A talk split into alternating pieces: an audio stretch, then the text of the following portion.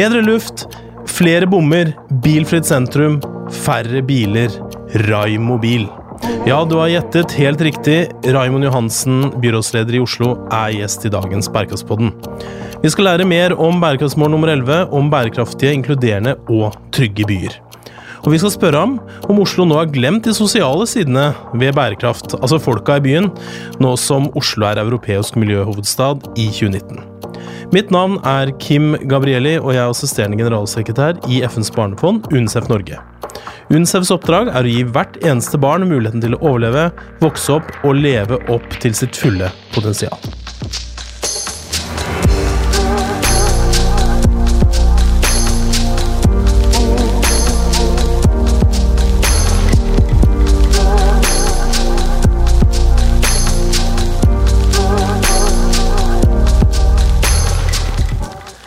Ja, da sitter jeg her i studio med deg, Raimond. eh, Byrådsleder i Oslo.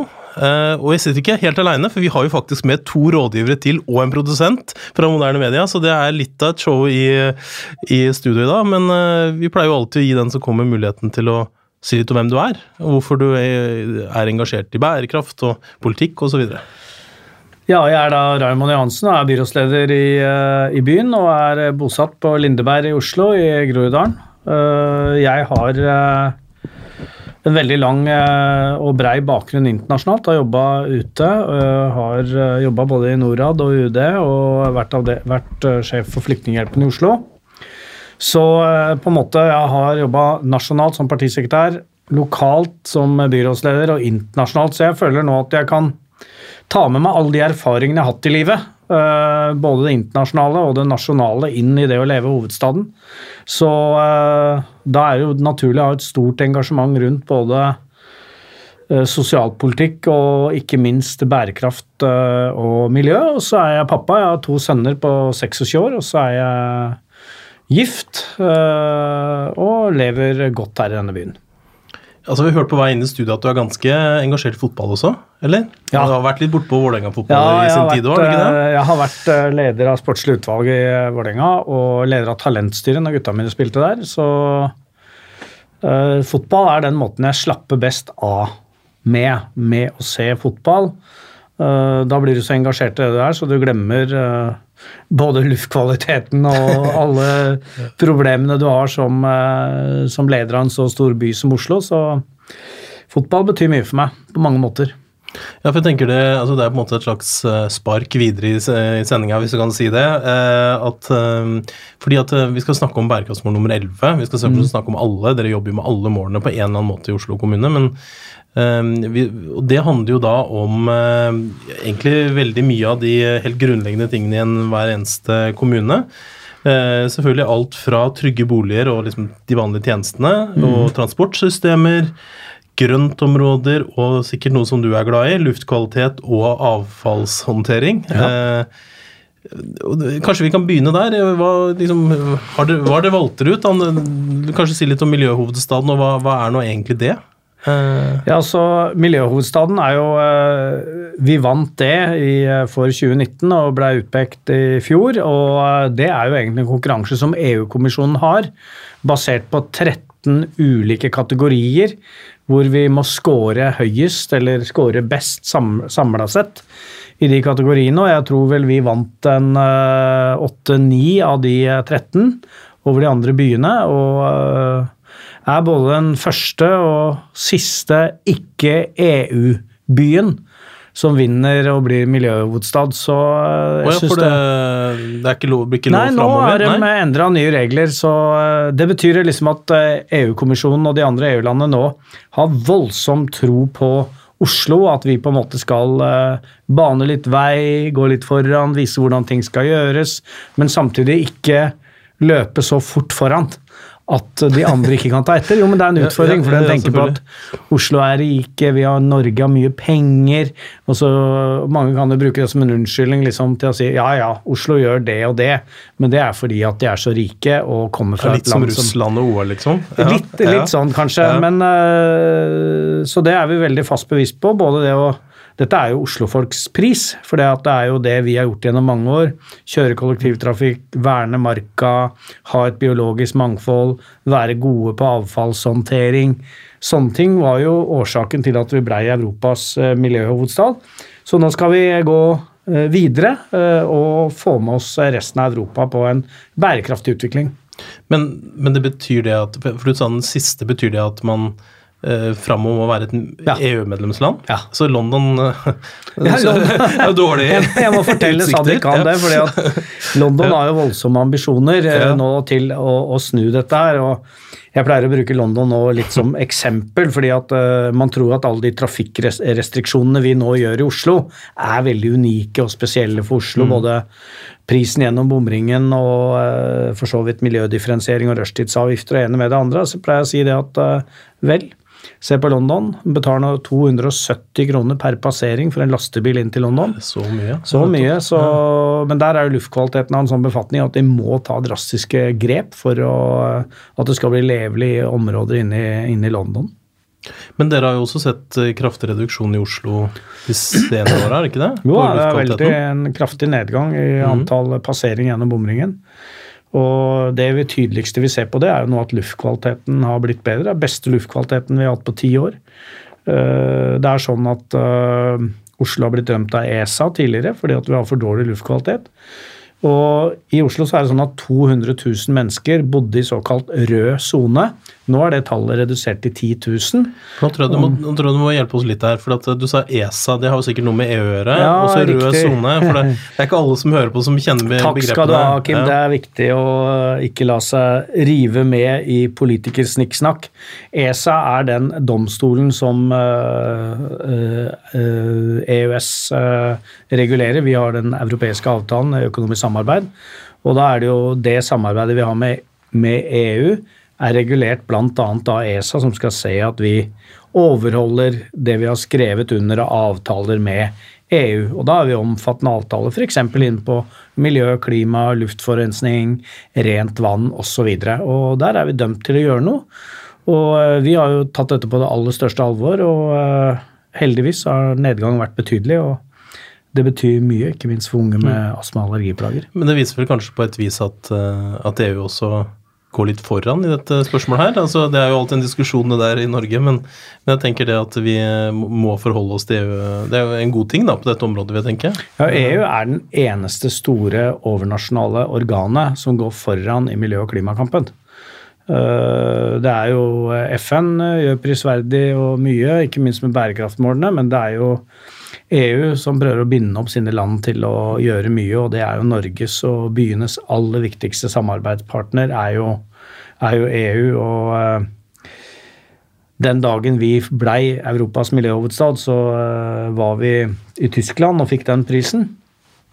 Veldig artig. Eh, Men det var akkurat det samme dagen som Donald Trump vedtok å trekke USA ut av Parisavtalen. Ja, Og, eh, så det var en eh, historisk dag på mange måter.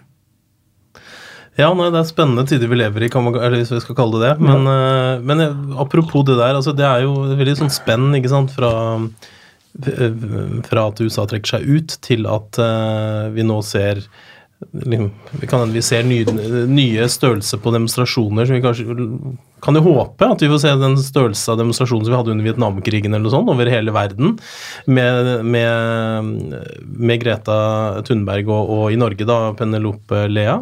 Eh, og, deres byråd har jo altså, sagt at det er bra de demonstrerer, også, mm. men det er jo litt utfordrende nå at de ikke går på skolen, er det ikke det?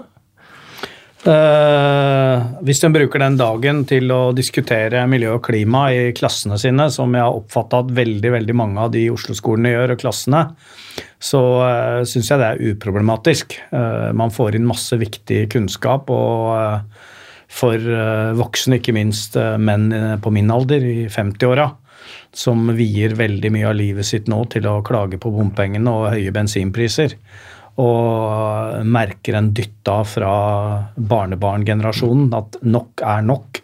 Nå har dere sittet på den grønne grein, dere har brukt av mange av de ressursene vi skal ha, og i tillegg så bruker dere her dødt meg opp masse penger fra det som skal være våre penger, fra oljefondet også.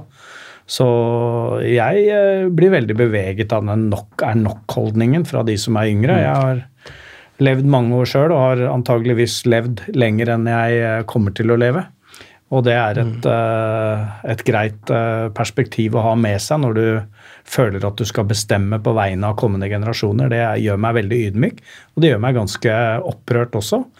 Å oppleve at uh, mange på i min generasjon til de grader ikke tar inn over seg at de eh, skal de som kommer etter oss, skal arve jorda, arve landet.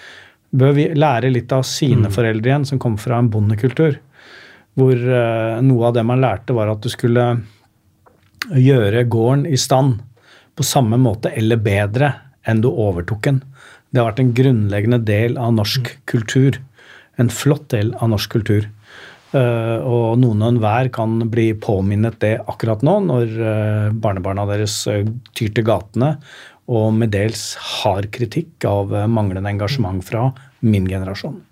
Ja, for det, det, her er jo selvfølgelig som musikk i UNICEF sine ører. Da, vi, vi, er opptatt av at barns stemme skal bli hørt, og dette har jo vært et veldig godt eksempel på at altså vi, vi, kan gjøre hva vi vil, men hvis ikke man treffer på en måte som, det, som denne bevegelsen har gjort nå, så blir det vanskelig å bli hørt. Men dette viser jo også det som vi pleier å si, at uh, barn er bærekraft. For de er jo det i seg sjøl. Altså, mm. De er jo framtiden. Og mm. bærekraftsmålene handler jo nettopp om det. Uh, om å liksom, fortsette det vi har i dag, eller kanskje til og med gjøre det bedre for de som kommer etter. Um, og det, er, det bringer vi oss da tilbake til en av de andre poengene som det står om i bærekraftsmål nummer 11. Altså dette med å skape både bolig, eh, altså bedre boligforhold. Eh, det har vært en utfordring i Oslo, selv eh, når det gjelder noen grupper. Og vi har, vi har sett det for barna. Barn som bor i kommunalboliger, har ofte hatt utfordringer. Ikke nødvendigvis i sin egen familie, men liksom hele settingen rundt, fordi det har vært tradisjonelt har vært store kommunalboliger. Eh, utfordring å komme inn på leiemarkedet for for mange barnefamilier eh, fordi de ikke har råd til å betale høy nok leie.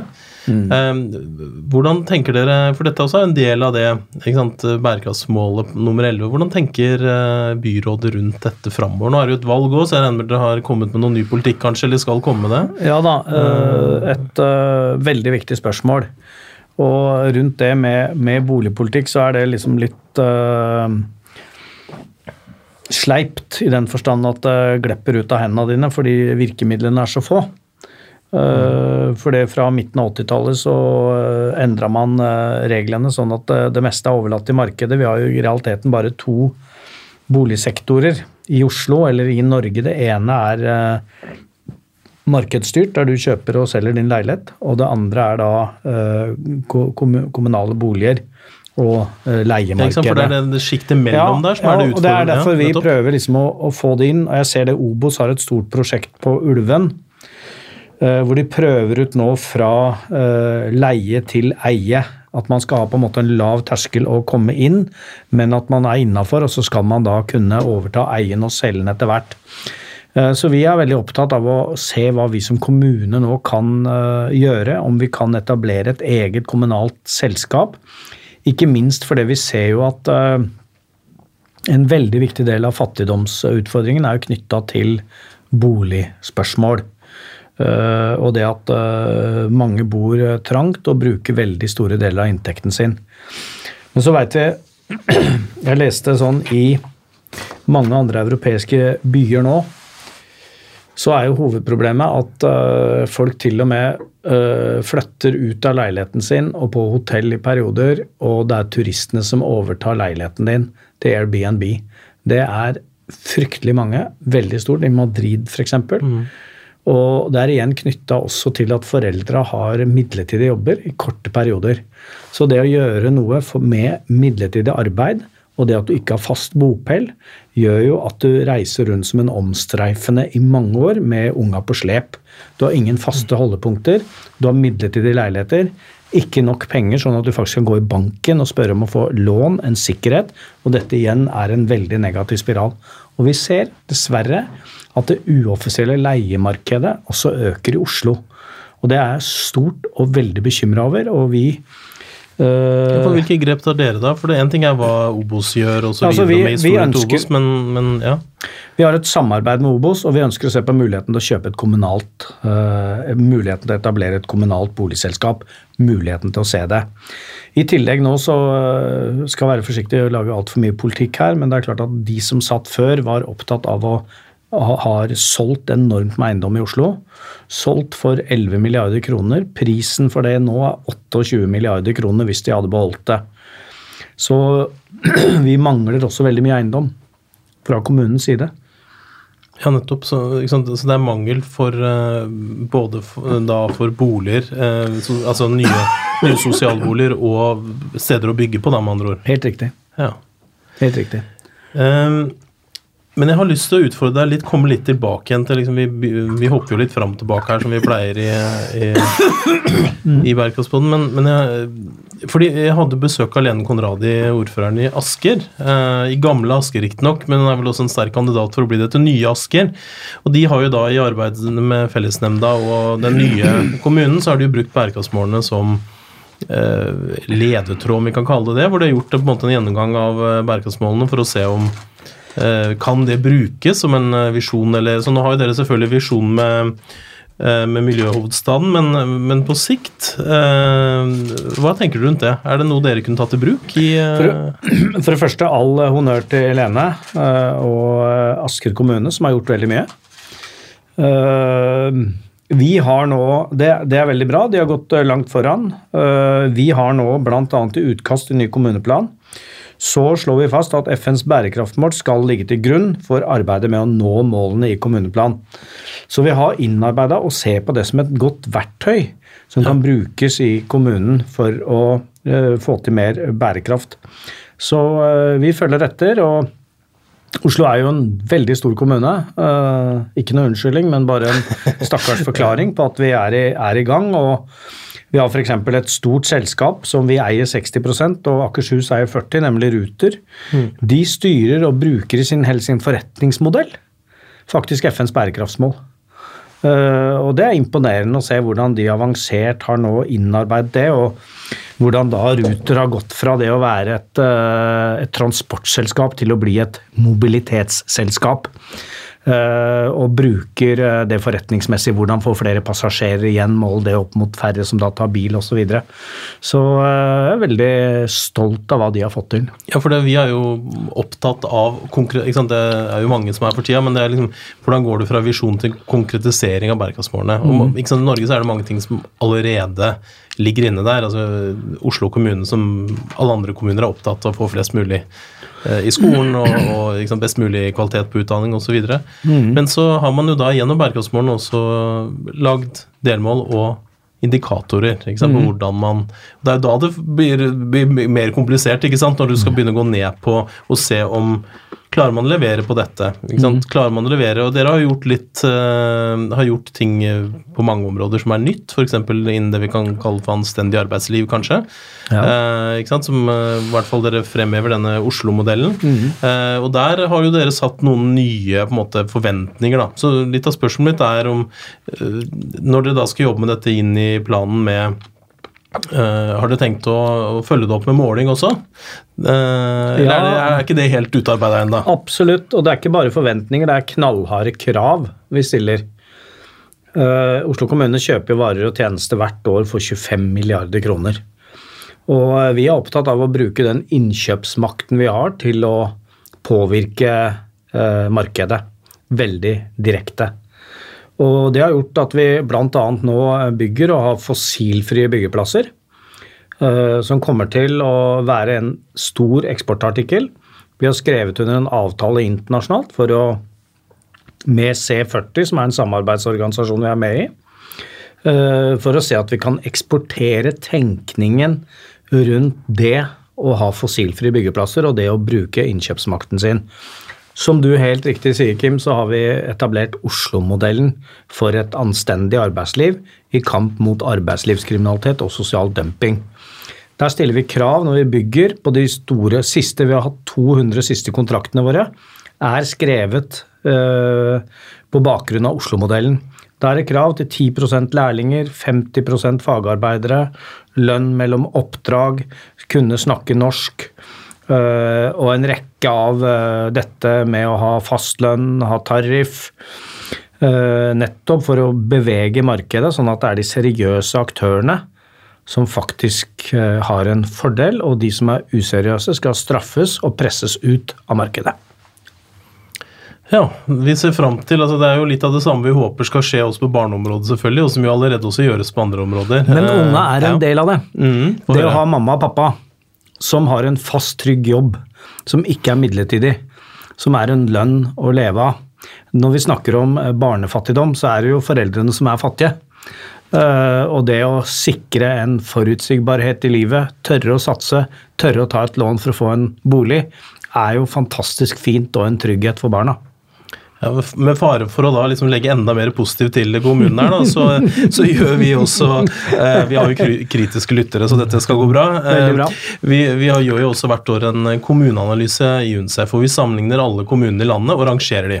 Mhm. Og så er det selvfølgelig at vi, vi vekter det på en måte da etter hvilke KOSTRA-grupper, altså hvilke kommunegrupper eh, man befinner seg i. Men vi har jo da sett på storbyene, og der gjør jo Oslo det jevnt over bedre enn de fleste byene. Ikke sant? Veldig ofte. Det er eh, større andel eh, som går i eh, det altså, Færre barn per eh, kulturplass, f.eks. Det, er, eh, det bruker mer penger per barn. Riktignok ikke som andel av budsjettet, eh, men det er mange områder hvor eh, Oslo gjør det, gjør det klart bedre da, eh, enn de andre storbyene.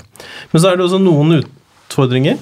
Eh, altså I Trondheim eh, så er det jo da er, jo, er det jo har ni eh, eh, 90% av lærerne har da relevant utdanning, mens det tallet er nede på 75 i Oslo f.eks. Det har gått litt i feil retning den senere tida, eh, som et eksempel.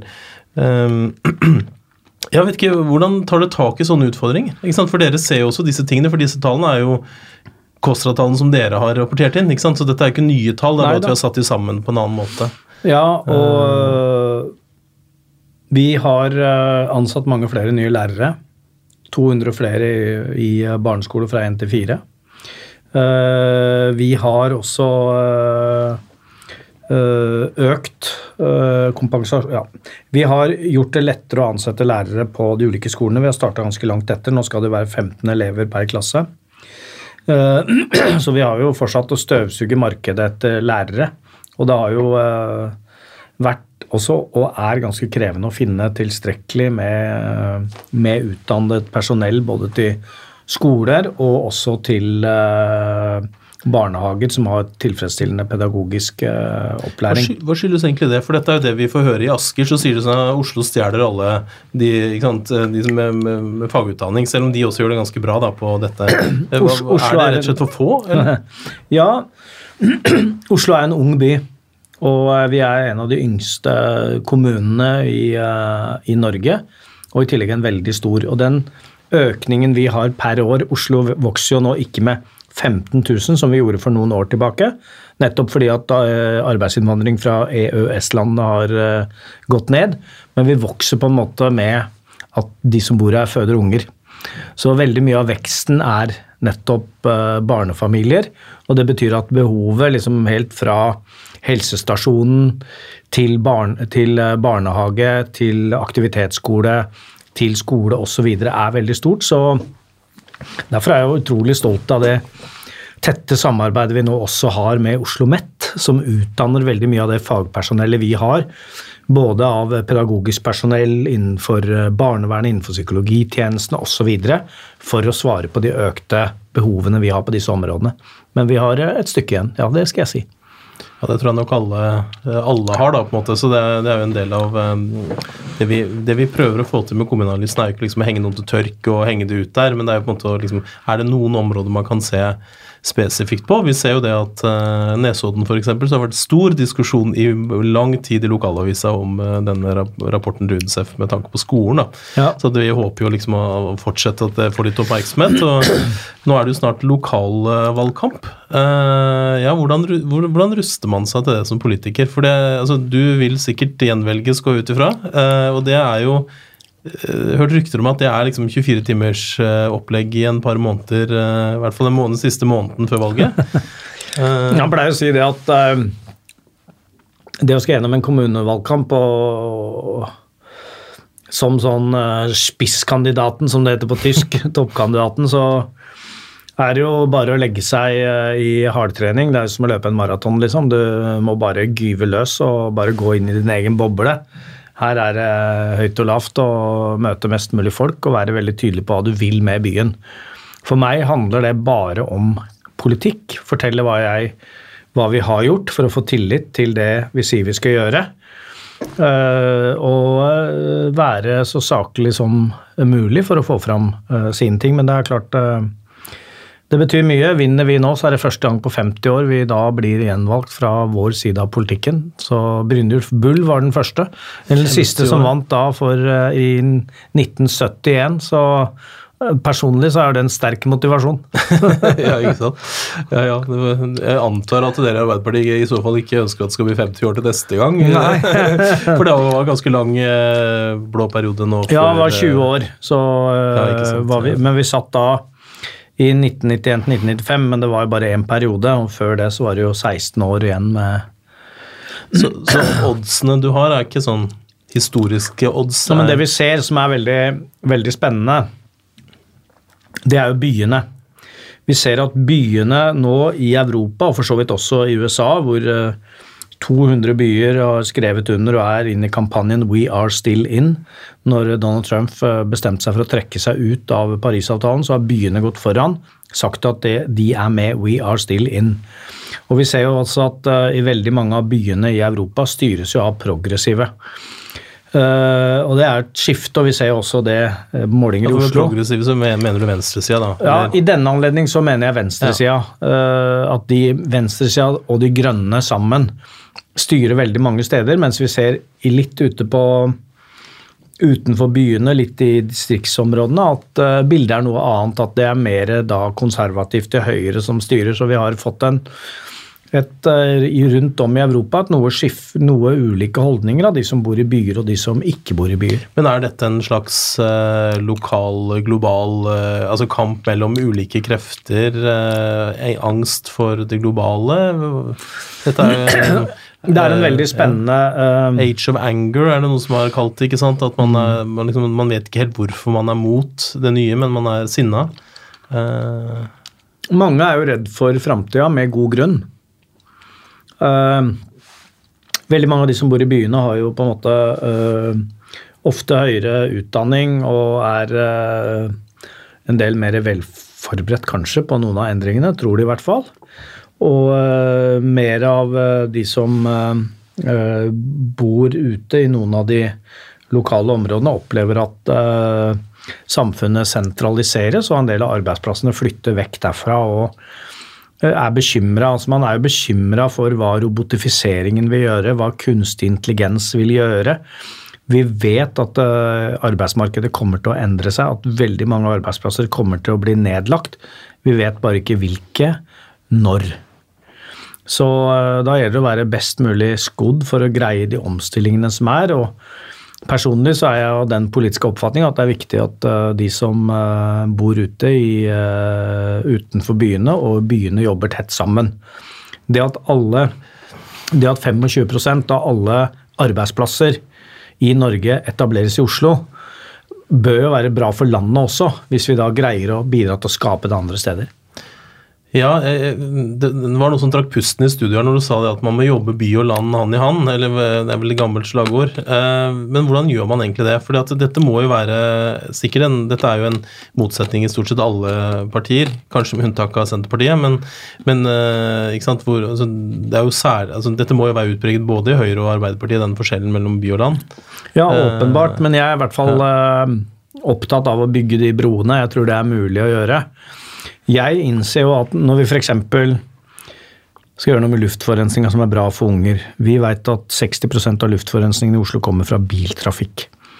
Da må vi redusere tilgangen på biler i Oslo sentrum. Og Samtidig da så må vi ha et godt tilbud om kollektiv trafikk.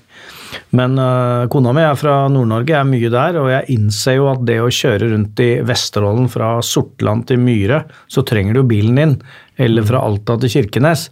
Så når vi snakker om å begrense bilen, så får jeg utrolig mange uh, irriterte meldinger fra andre steder i Norge, men det er en annen utfordring. Og da må jeg få anledning til å si at nei, jeg skal ikke komme og stjele bilen din i Kirkenes, men vi vil at vi skal redusere antall arbeidsreiser med bilen inn i Oslo sentrum. Men uh, Oslo-folk har jo sånn tendens til å legge seg opp i oljeutvinning uh, og den type ting. Uh, og det er jo selvfølgelig fordi det angår oss alle sammen også. Men, og vi har jo også hatt Espen Barth Eide på besøk her i, i studio, ja. og selvfølgelig også folk fra andre partier, da, så ikke det høres ut som vi driver med en sånn ja. gjensidig her.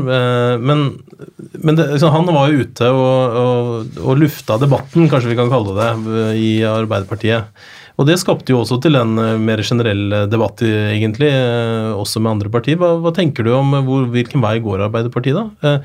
Jeg så Bård Vegar Solhjell var ute og sa at politikerne kan, kan mindre om klima, miljø og bærekraft i egne partier enn det næringslivet kan. Ja, har han et poeng der? Altså, det er to, to spørsmål, men ja. Etter dette møtet så skal jeg ha møte med øh, næringslivsledere med Jens Ultveit Moe og fra de store forsikringsselskapene. I sammen faktisk med WWF og med ja. eh, også med Zero. Eh, både for å legge fram erfaringene fra Oslo som miljøhovedstad, hvilke utfordringer vi ser som storby, og så være drivere i endringen i det nye grønne skiftet for å skape nye arbeidsplasser. Så eh, jeg opplever stadig at eh, næringslivet er mye mer framoverlent enn det politikere er med hensyn til det å skape nye arbeidsplasser. Så eh, det må jo, være, det må jo være, sånn at man, ikke, at man faktisk diskuterer og ikke kommer med besvergelser. Det er jo ingen mm. tvil om at olje- og gassindustrien isolert sett står for gigantiske utslipp som har betydning for miljøet. Det er der. Men så er det jo dit vi skal. Og den veien er jo eh, broket. Det snakker globalt, som Unicef driver med. Det å, å, sikre bærekraft, det å sikre vekst. At Kina og India må få lov å ha eh, vekst i, som vi har hatt i de vestlige demokratier og i USA. Og da vet vi at energiforbruket kommer til å øke ganske betraktelig. Og da er det jo ikke likegyldig om hvordan de da hvilken type energi de da faktisk bruker. Og da mener jeg vi har en stor forpliktelse både til å være med å utvikle karbonfangst og -lagring, som er en teknologi som du kan sette på kullkraft, som du kan sette på andre ting, for å redusere CO2-utslippene. Det ønsker vi for å trekke det tilbake igjen til Oslo. Så har vi et søppelforbrenningsanlegg her i Oslo eh, som er på Klemetsrud, som alene står for 15% av klimagassutslippene i Oslo. Der ønsker vi sammen med staten om å få installert karbonfangst og -lagring. Eh, da vil vi være med å utvikle ny teknologi, gjøre den mer anvendbar og kunne benyttes av andre byer. Det er 500 tilsvarende og større anlegg i Europa. Byene vokser. Vi kommer ikke til å greie å gjenvinne alt avfall. Vi er nødt til å finne måter f.eks. å forbrenne det på en miljøvennlig måte. Og da har jeg ikke begynt å snakke om Kina og uh, de eh, India og andre landene i vekst. Så det er jo, her må vi samarbeide, men vi har forpliktelse som store land. Det er å utvikle ny teknologi for fangst og lagring, og være med også å finne nye energikilder. Dette her er, eh, Vi har jo hørt at liksom, utslippene går ned i Oslo, men eh, Oslo er jo ganske heldig, for de har jo ikke noen flyplass Nei. i kommunen. Nei, det, det, er mulig at det er noen andre kommuner som har litt høye utslipp. Ja, ja, ja. Hvordan kan Oslo bidra til det? For Det er klart at det hadde jo hatt noe å si da, hvis en Gardermoen hadde ligget Uh, litt nærmere og litt ja. innenfor uh, grensa. Uh, det er ingen Oslo-folk som kjører fly. Nei, det er null, null, null. Så det, er bare fra Akershus. Ja, det er bare, ja. bare fra Akershus. Og sånn, fra Stavanger og andre. Så nei, så det er jeg veldig trygg på. Det er ingen Oslo-folk som flyr. Det burde vært en sånn Dublin-ordning at hvis de kom inn til Oslo, ble de sendt tilbake til Akershus. Ja. Nei, godt, godt, godt poeng. Godt poeng. Uh, ja, jeg skjønner at det, du vil ikke gå videre på den. Nei, men Nei. det er jo helt sant det ja. du sier. Så det jo, gir ikke alltid mening bare å snakke om lokale utslipp. Vi kan si uh, at vi har 10, 10 er direkte Oslo kommune. Vi eier 15 av klima av uh, forbrenningsanlegget. Men det betyr at vi eier mye av det, altså de utslippene. Ja. Så eier vi 60% av Ruter, som også står for utslipp, ikke minst fra busstrafikken. Inkluderer vi begge de to i vårt regnskap, så er det klart at Oslo kommune også står for større andel enn 10 av utslippene. Ja. Så det, det, handler selvfølgelig om tall, men det gjør det jo og måten man bruker tallene på. Men Helt det vil du alltid gjøre.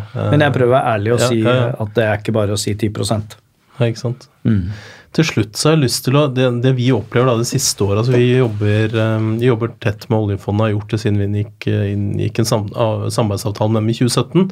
Så har vi jobba med de på, um, på, tekstil, og også i mer og mer grad nå på ernæring. Uh, hvor vi jobber med bedrifter. Um, og vi ser at, og I tillegg så har uh, vi fra Norge leda på en måte utarbeidelsen av mer strategisk tilnærming til investorer globalt for UNICEF. Men det vi ser er at det siste, bare det siste året så har det blitt mye mer fokus på, uh, på det å være en ansvarlig investor også hos private aktører. Mm. Og oljefondet selvfølgelig har kommet langt sammenlignet med mange. Men Oslo er jo også en stor investor. Uh, hvordan tenker, har dere tenkt rundt liksom, det sosiale og ansvaret til Eh, til fondene. Eh, dere har jo et stort pensjonsfond. Oslo kommunal pensjonskasse, ja. Mm. ja. Vi har stilt eh, veldig mye krav på miljøsida og anstendig arbeidsliv på den, så vi har egentlig både det etiske regelverket, uh, som for så vidt oljefondet uh, bruker, og i tillegg så var vi jo tidligere ute enn oljefondet til å trekke oss ut av olje, for å si det sånn. Men jeg tror hele tida vi skal se på hvordan vi skal bruke pengene på en på en klok måte. Og jeg føler nå også den generasjonskonflikten om hva er det å investere for framtida. Ja, ikke sant? For det er, litt, hvor, det er akkurat det samme. Det det hvor er det du eh, bruker de store pengene? Hvilken type industri er du påvirker? Når vi sier at vi er total depend on, uh, avhengig av oljeindustrien. Altså, hva er det vi bruker de store pengene på å få til? Og jeg ser jo nå for første gang FN at FN begynner å få et fokus på byer. Det har jo FN mm, omtrent ikke hatt. Større, ja, mye større. Mm. Har jo aldri hatt det. Uh, byer, 50 av verdens befolkning bor i byer. 70% av utslippene kommer fra byer. Og skal FN liksom uh, bærekraftsmessig gå inn, så må de det. Samtidig som vi ser at de store fondene investerer i eiendom i de store mm. byene. Og i realiteten bidrar til at fattigfolk blir pressa ut av bykjernene over i store områder utenfor bykjernen mm, hvor det er enda fattigere. Så eh, jeg tror liksom at uh, den fondsdiskusjonen avkastning, det er noe av det som er hvitt og svart. Det er om du er i oljeindustrien eller ikke. Og så ser vi på eiendomsinvestor f.eks., hvor det også går an å få bruke ja, bærekraftskriteriene inn for å få dem til å investere anstendig. Hvorvidt man investerer nettopp i eiendom eller i oppstart, eh, fornybar, eh, nye industrier. Da. Det er en veldig mm. interessant diskusjon. Men som vi ikke har tid til nå. Eh, Nei. Men hvis det er noe du vil legge til, så har vi fortsatt noen ja, minutter jeg, igjen av samtalen. Det vil jeg gjerne. Jeg øh, tror at dere som Unicef har en veldig viktig oppgave. Øh, både ved å holde fanen høyt når det gjelder bærekraft som sådan, for å ivareta ungers stemme. Eh, fordi stemmen fra den eldre generasjonen er så sterk. Han trenger uredde talsmenn og -kvinner uh, som står opp, setter det på, på spissen. Flere Greta Thunberger. Og det er åpenbart en rolle også om Unicef bare kan videreføre det de har, eller har gjort veldig mye. Det veit ikke jeg, men jeg takker dere veldig for den, for den innsatsen, og dere trengs. Og gjerne være mer vokale og høyrøsta også i ordskiftet her i Norge. Og vi kommer helt sikkert å komme tilbake til Raymond med eh, diskusjonen om eh, hvilke fora det finnes i Oslo kommune for ungdomsdeltakelse, som vi nå ikke fikk så mye tid å prate om eh, i dag. Eh, men med det så sier vi tusen takk for dagens eh, Bærekraftspodden, og hvis dere vil eh, lese mer om bærekraft, så kan dere gå inn på unicef.no slash bærekraft med æ.